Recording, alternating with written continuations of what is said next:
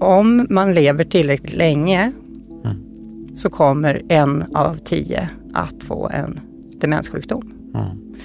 Har man då en förälder eller ett syskon som är insjuknat i en demenssjukdom, och nu pratar vi då också om den här vanliga formen som man får efter 65, då ökar risken från 10 till ungefär 20 procent. Så det fördubblar risken. Ordet Alzheimer skapar rysningar hos människor. Jag märker det när jag pratar om min egen diagnos. Min första känsla när jag fick beskedet av läkaren var nej, nej, nej. Men det var inte vad jag sa till min läkare. Min första fråga var istället Kommer mina barn att få sjukdomen? Jag trodde att Alzheimer går i arv och nu skulle jag smitta ner mina barn och barnbarn. Jag heter Henrik Fränkel och jag fick påsken 2019 diagnosen lindrig minnesstörning med trolig utveckling till Alzheimer. Och jag vill med den här poddserien göra en upptäcktsfärd in i vår tids kanske mest ökända och stigmatiserade sjukdom. Och så vill jag såklart veta vad som ska hända med just mig. Jag ska träffa människor som kan hjälpa mig att förstå den sjukdom som drabbar 20 000 svenskar varje år. Som har funnits i över 100 år och som ingen överlever. Följ med mig på en upptäcktsresa in i Alzheimerland.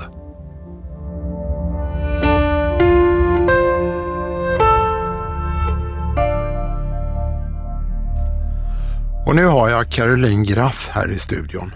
Du är professor på Karolinska institutet och du är specialiserad på ärftligheten inom Alzheimer-sjukdomar. Välkommen! Tack så mycket! Vi har ju träffats en del på senare tid. Ja, det har vi. Mm. Känns som jag känner dig. Eh, fundera på, hur kommer det sig att du ägnar dig åt något så dystert som demensforskning? Det är en otrolig utmaning. Mm. Det är spännande ur ett forskningsperspektiv eftersom ganska lite är känt. Det finns stora möjligheter att göra upptäckter. Mm. Och så är det väldigt många människor som lider av olika demensdiagnoser. Men det är ju också, det är inte det sexigaste man kan göra som forskare. Är det inte? Nej, men cancer är väl eh, mer spännande därför att det leder till snabba eh, upptäckter. Människor blir botade. Ja, du det, och du det botar man, ju ingen. Man får ju gratulera cancerforskarna verkligen. De har gjort fantastiska framsteg och vi kommer också göra det om vi ges rätt förutsättningar. Så att jag tycker nog att det är rätt sexigt. Det gör det? Mm. Har du egna erfarenheter av demens eller Alzheimer i din släkt? Är det därför du ägnar dig åt det här? Nej, det är inte därför jag ägnar mig åt det här. Men min mormor fick faktiskt en diagnos som jag mm. i och för sig tror var fel. Och det är väl också någon, en erfarenhet som flera också har, att man får en diagnos och så visar det sig efter ett tag att det kanske är fel. Hon fick och, diagnosen leverkroppsdemens. Ja. Mm. Och det var det inte? Utifrån vad jag har lärt mig efteråt så förstår jag att det kan inte ha varit det, utan jag tror snarare att det kan ha varit en vaskulär demens. Okej. Okay. Mm. Och vad är skillnaden? Förloppet och eh, symptomen då. Ja. Mm. Och förloppet, går det snabbare eller långsammare? Det kan gå snabbt i båda eh, fallen, mm. men leverkroppsdemens kan man väl generellt betrakta som en mer snabbt förlöpande sjukdom. Mm. Min första reaktion när jag fick min egen eh, lite diffusa diagnos, det var ju hur ska jag kunna berätta det här för mina barn? Mm. Eh, och nästa tanke, det var och tänk om det förs vidare i, i generna. Vad tycker du ligger bakom min reaktion? Um, ja, oron över diagnosen och hur man informerar sin omgivning, det tror jag de flesta personer funderar över och mm. hanterar väldigt olika. I en mm. del fall kanske man berättar innan man kommer för utredning också, att man är på väg eller är i en utredning. Mm. Eh, är det så att man inte har berättat någonting innan så kan det bli ett ännu större steg att informera efter. Mm. Och eh, ja, det finns, alltså jag kan säga generellt, det är ju alltid lättare att vara efterklok, men allmänt sett när jag träffar familjer mm. försöker jag föreslå att man inkluderar de som är närmast intresserade, så att säga, som man tänker någon gång kommer att behöva eller önskar ta del av informationen. Så att man reser tillsammans. Mm.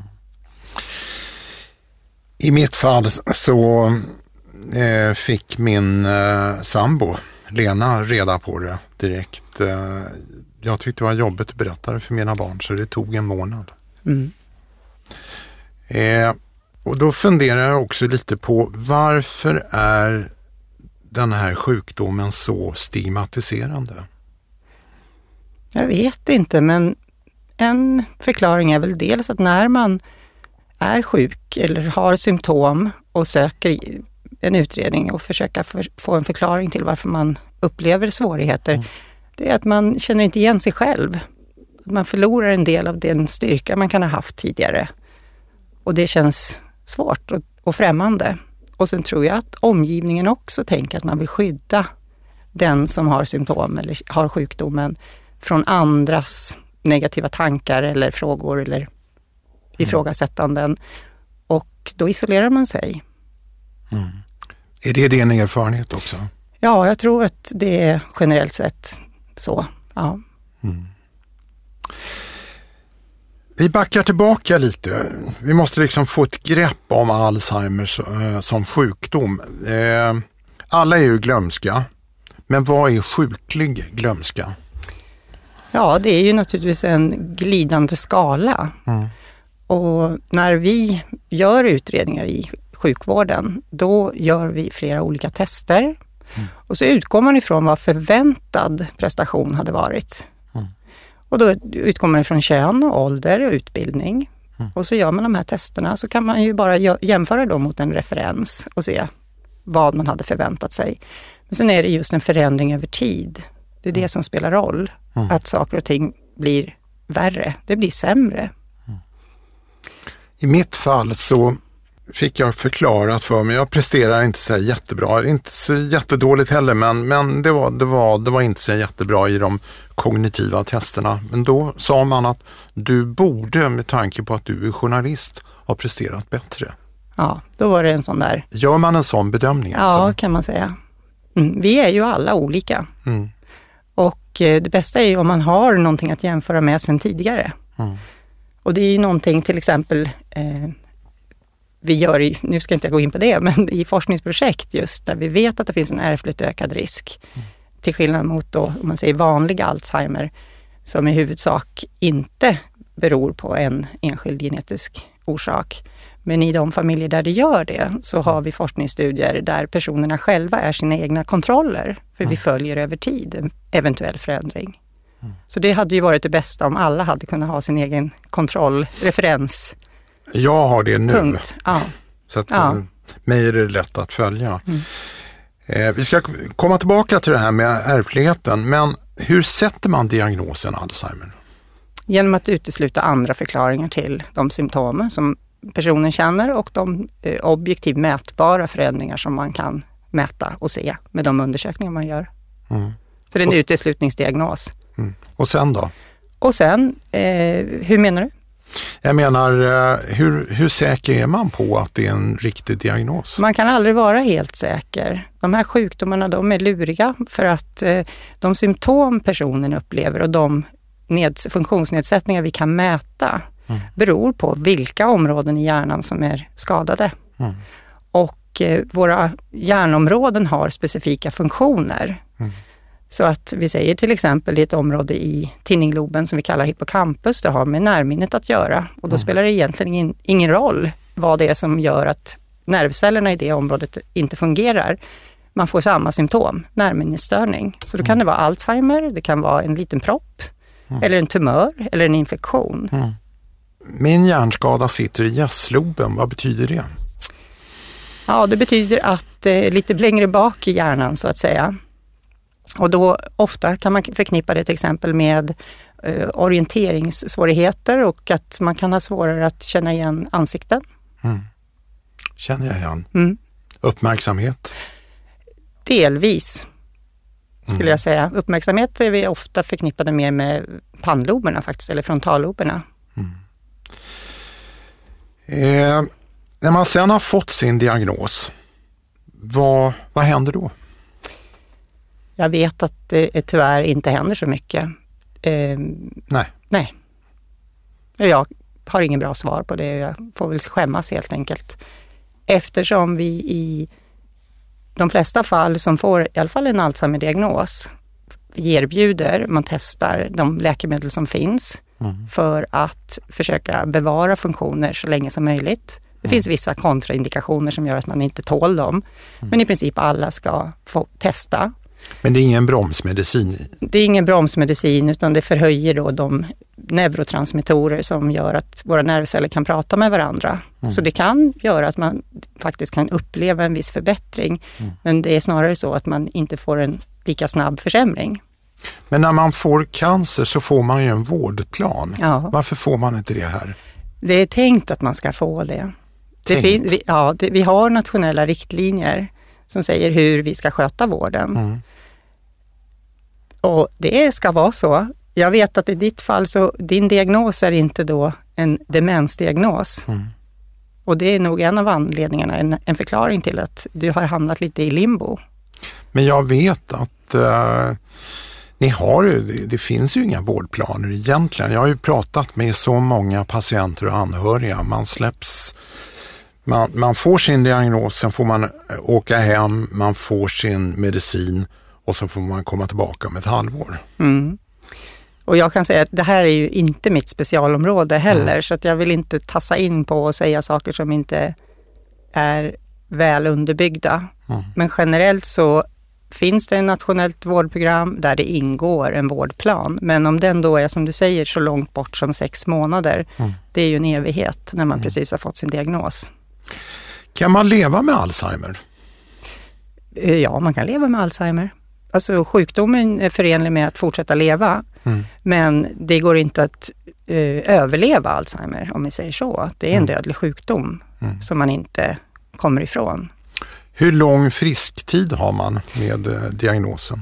Det är så individuellt att man kan inte på det enskilda, hos den enskilda individen säga det. Mm. Man kan titta på grupper av personer som fått sin diagnos och då beror det naturligtvis på när under förloppet av sjukdomen man fick diagnosen. Mm. Men om man ska ge en siffra så där i genomsnitt så har man, om man läser litteraturen, vetenskapliga litteraturen, så kan man säga, har det stått, alltså traditionellt säger man 8-10 år. Mm. När, man men, kan, när man kan leva ett bra liv? Man kan leva ett bra liv, men jag tror att det är väl en av anledningarna till att vi tycker att man ska komma och få sin diagnos satt för att man ska kunna anpassa och hjälpa till där man behöver stöd för att kunna försöka behålla så många funktioner som möjligt och också leva sitt liv mm. så stimulerande som möjligt. Mm. Då ska vi komma in på din specialitet, eh, ärftligheten i sjukdomen. Eh, mina föräldrar dog unga och min släkt har jag inte koll på faktiskt av lite olika skäl. Så jag vet inte om de bar på Alzheimer. Men säg att de hade haft Alzheimer. Mm.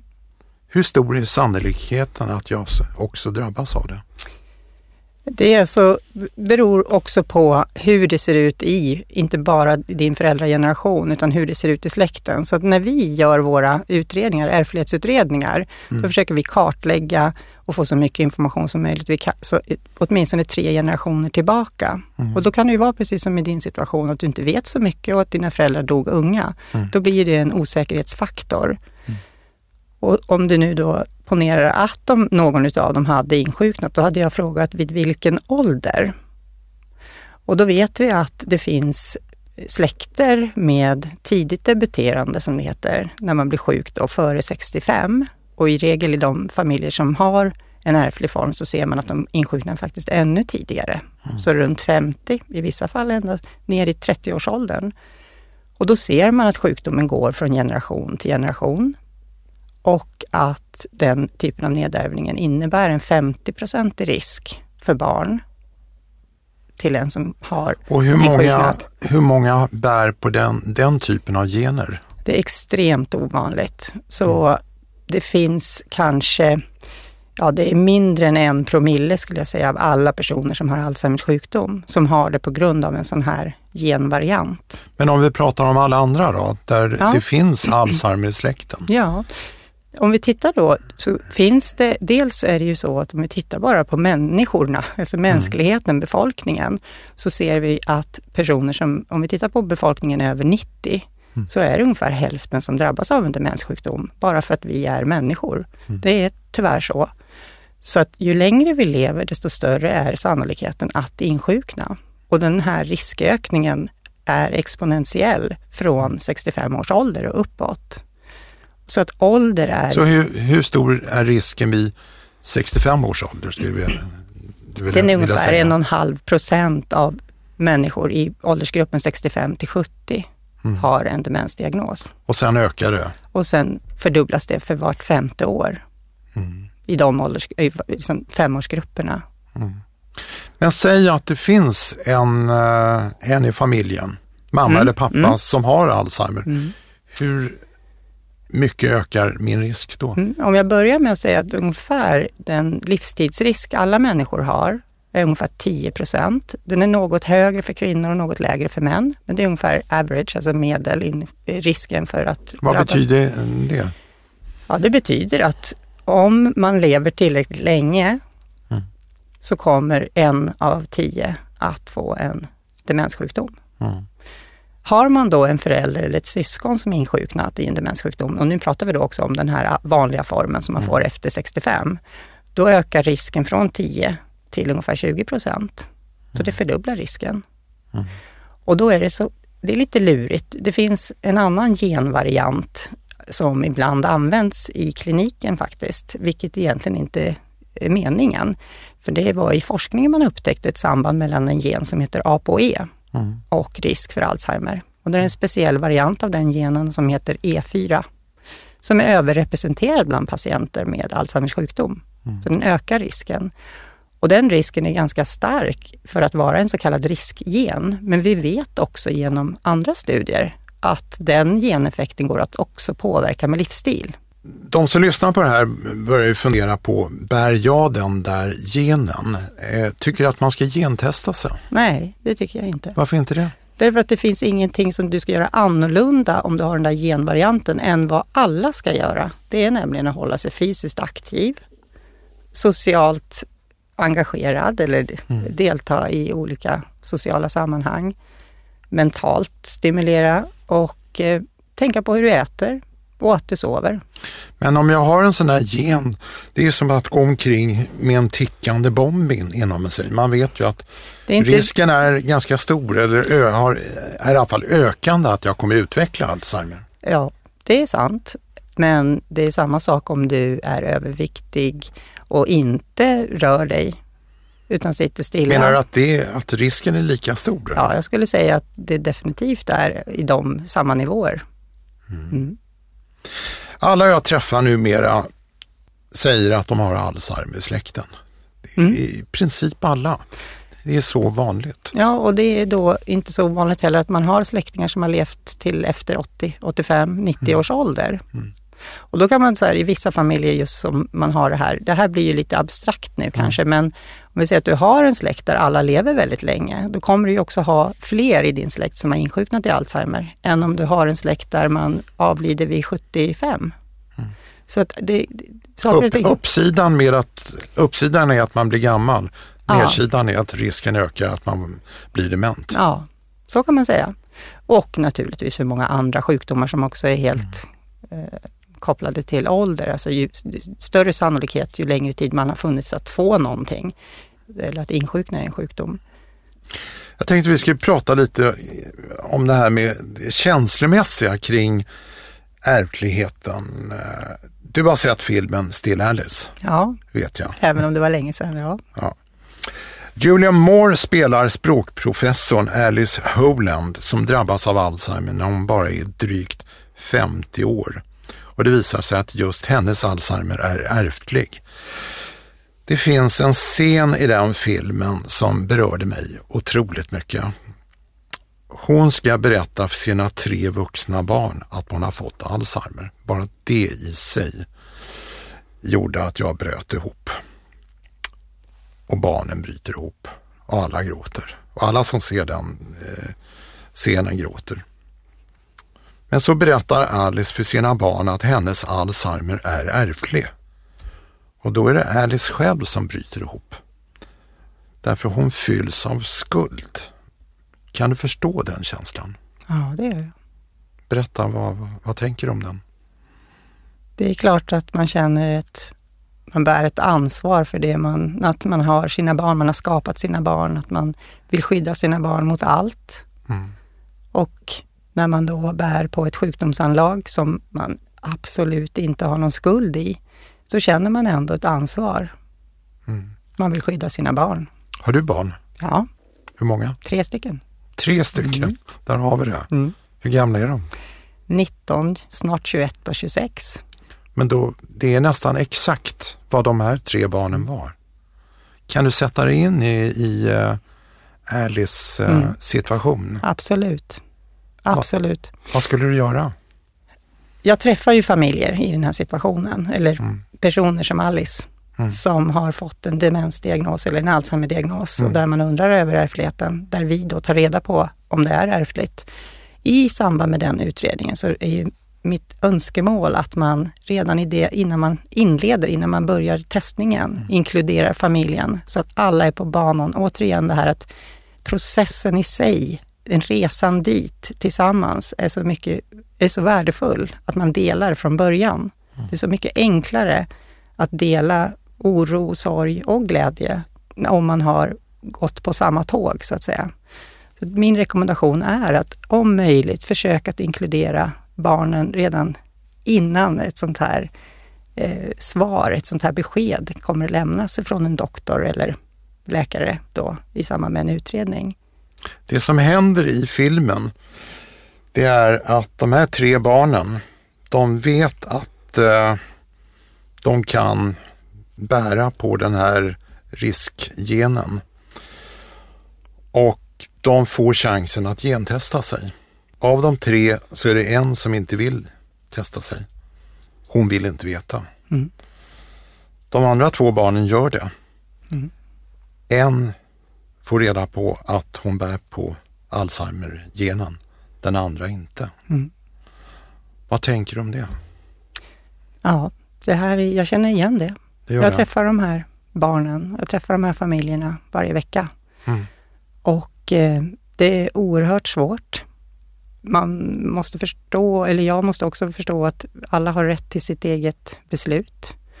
Återigen, om man får önska innan man kommer till ett läge där man inte har informerat alla, att man ändå kunde ha börjat tillsammans. Och om jag får ta mig friheten att önska, Mm. så när man säger då att vi har Alice Mm. som har symptom, går för utredning, får sin diagnos. Och när man börjar då fundera på, kan det här vara ärftligt? Att man redan i det skedet involverar barnen och pratar om, vad kan det här få för konsekvenser? Och Alice syskon som också i sin tur Mm. kan ha risk, som i sin tur har barn. Mm. Och då har man möjlighet att till exempel på en sån mottagning som där jag jobbar få information om vad innebär den här risken och ärftligheten och vilka möjligheter och olika tekniker kan man tillämpa för eventuellt till exempel familjebildning.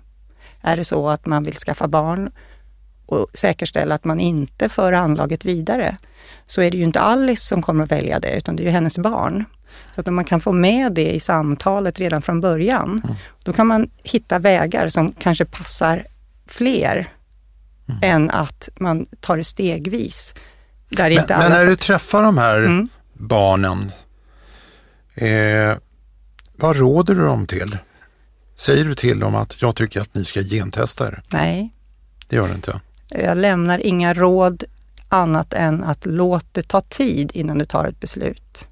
Och i våran, eh, på vår mottagning då för det vi kallar presymptomatisk genetisk testning, alltså Ja. när man önskar veta, då har vi ett särskilt program där vi har ett eh, samarbete med en psykolog som både den som vill testa sig och dens partner har möjlighet för samtal, både enskilt och tillsammans. Och det har du inte nämnt än faktiskt, men det finns också alltid en partner i de här. Mm. Eh, eller inte alltid, men det finns ofta. Mm. Och den personen blir väldigt lätt bortglömd. Men till exempel Alice man, om man säger, mm. som har barnen tillsammans, hamnar liksom lite grann på sidan av, men har ju också jättestora frågor och funderingar och ångest. Att försöka, det här är ju liksom en, en hel familj. Mm.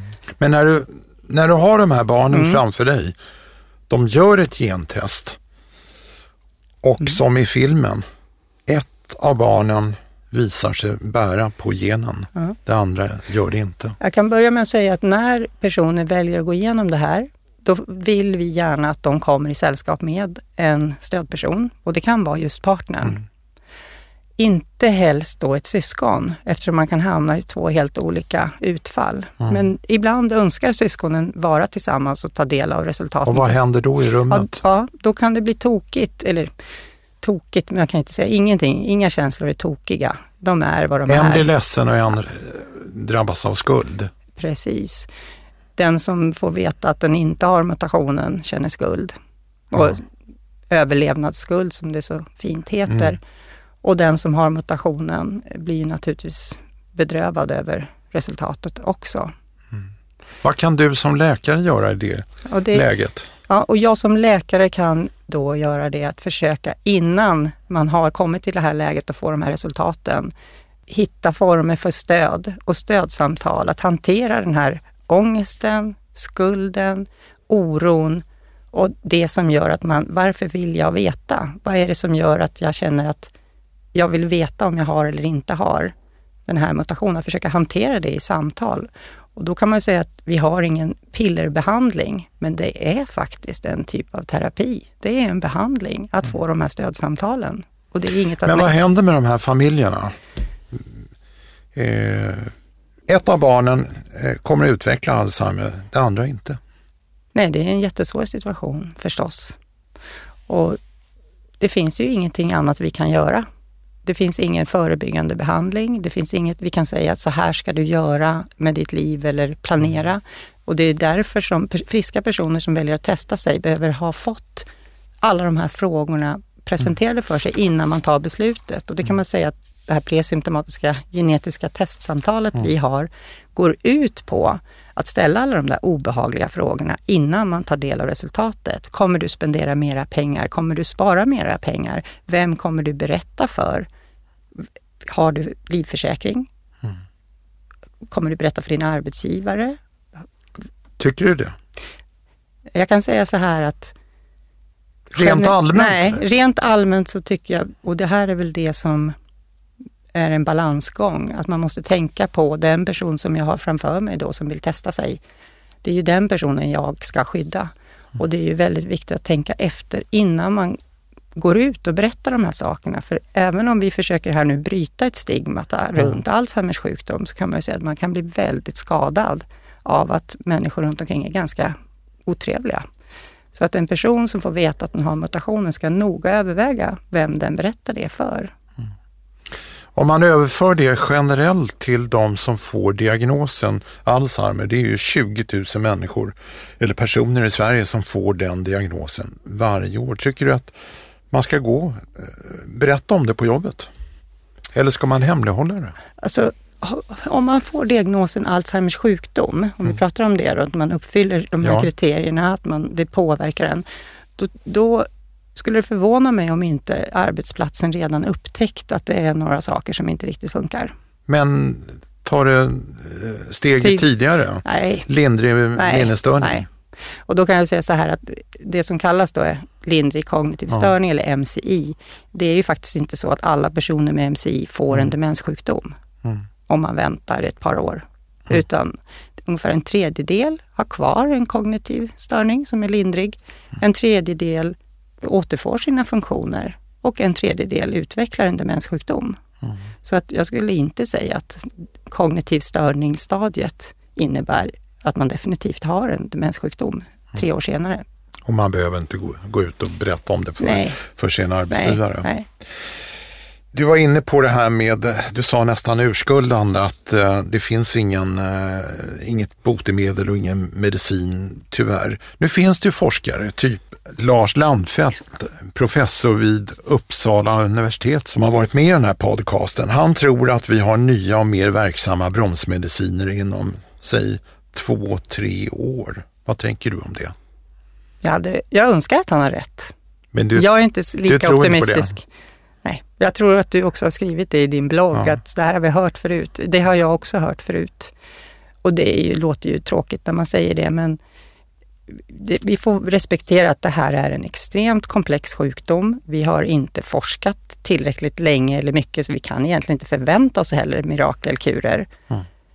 Jag har svårt att tro att vi inom två, tre år har en behandling som kommer att bromsa utvecklingen av sjukdomen. Det är möjligt att vi har någonting då som kan modifiera eller i alla fall mm. på något vis påverka, men det är inte botet. Nej. Eh, många forskare har ju fastnat vid att det är proteinerna beta-amyloid och tau, som det heter, som är orsaken till Alzheimer. Är du helt säker på det? Nej, alltså de är ju involverade. Ja. Men det kan vara faktiskt en, det här amyloid då, beta-amyloid ja. som finns i placken. Här pratar man ju om att det här beta-amyloidet är toxiskt när det klibbar ihop sig. Giftigt. Giftigt, ja. ja. Giftigt när det klibbar ja. ihop sig och bildar fibriller eller ja. protofibriller. Ja. Det kan ju faktiskt också vara så att det är att man har för lite av det här beta-amyloid när det då klibbar ihop sig och försvinner. Att det då inte finns där det borde vara och göra sin egentliga funktion. Man kan säga så här, vi är inte framme än. Vi har inte alla svar. Det är helt uppenbart. Så vi behöver forska mer. Men vad tråkigt. Ja. Jag, jag som uh, hade vissa förhoppningar när Lannebo, eller inte Lannebo heter han, Landfält. Ja. Landfält. Det, är min, det är min sambo som heter Lannebo. ja, men det är trevligt. ja, det är trevligt. Men uh, ja, så du tror inte riktigt på att uh, vi kommer få fram en snar bot? Om vi säger så här, vi kan ju glädjas åt att det pågår flera kliniska prövningar. Jag mm. tittade mm. helt snabbt innan jag kom hit. Mm. Det finns en sammanställning från i år faktiskt, att det var 132 mm. olika ämnen i kliniska prövningar vilket ju är bra. Så mm. det är ju inte så att även om det har publicerats en del, eller skrivits en del om att alla har gett upp och ingen mm. forskar längre och ingen försöker längre med eh, någon botande behandling vid Alzheimer. Det är ju inte sant, utan det forskas vidare, det gör det. Och där lär vi oss, utifrån de studierna, lär mm. vi oss hela tiden mer. Och det är inget konstigt, det är liksom en enkel ekvation. Så mycket man stoppar in, så mycket får man ut. Mm. Så att om vi ska kunna göra skillnad för personer med Alzheimers sjukdom, då måste vi forska mer. Och får mer medel till forskning ja, också. förstås. Ja. Mm. Till sist, du lever ju med Alzheimer i ditt jobb varenda dag. Mm. 24 timmar om dygnet kanske. Mm. Hur skulle du själv reagera om du fick sjukdomen? Ja, inte skulle jag bli glad. Munter precis, nej. Det tror jag inte, men, men vad... Kan du, kan ja, du leva in i den ja, känslan? Ja, det kan jag jag kan säga att jag lever ju med det som du säger. Så jag har samtidigt ingen skräck på det sättet. Jag vet vad det är. Jag träffar personer med den här diagnosen hela tiden och det är helt normala människor mm. som kan vara både glada och ledsna. Mm. Men naturligtvis är det tragiskt för livet blir annorlunda. Mm. När man som patient framför dig blir ledsen och börjar gråta, vad kan du göra då? Jag kan lyssna, trösta, men det här möter du varje dag också? Mm. Mm. Tack Caroline Graff för att du ägnar åt den här viktiga forskningen. Tack och själv. kämpa på. Mm, tack ska du ha. Mm. Tack.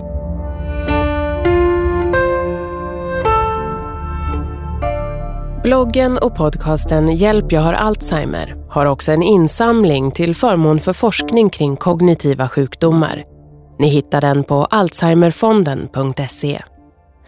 Insamlingen stöds av Hemfrids ruttjänst Vardagsomsorg, en tjänst som förenklar vardagen för äldre och deras anhöriga. Gå in på hemfrid.se så får du veta mer. Podden Hjälp jag har Alzheimer produceras av Fränkel Media och görs på Beppo. Beppo. Oh, gud vad svårt det är. Var det svårt? Ja, ja, ja, det, blir, ja, det gäller att säga rätt.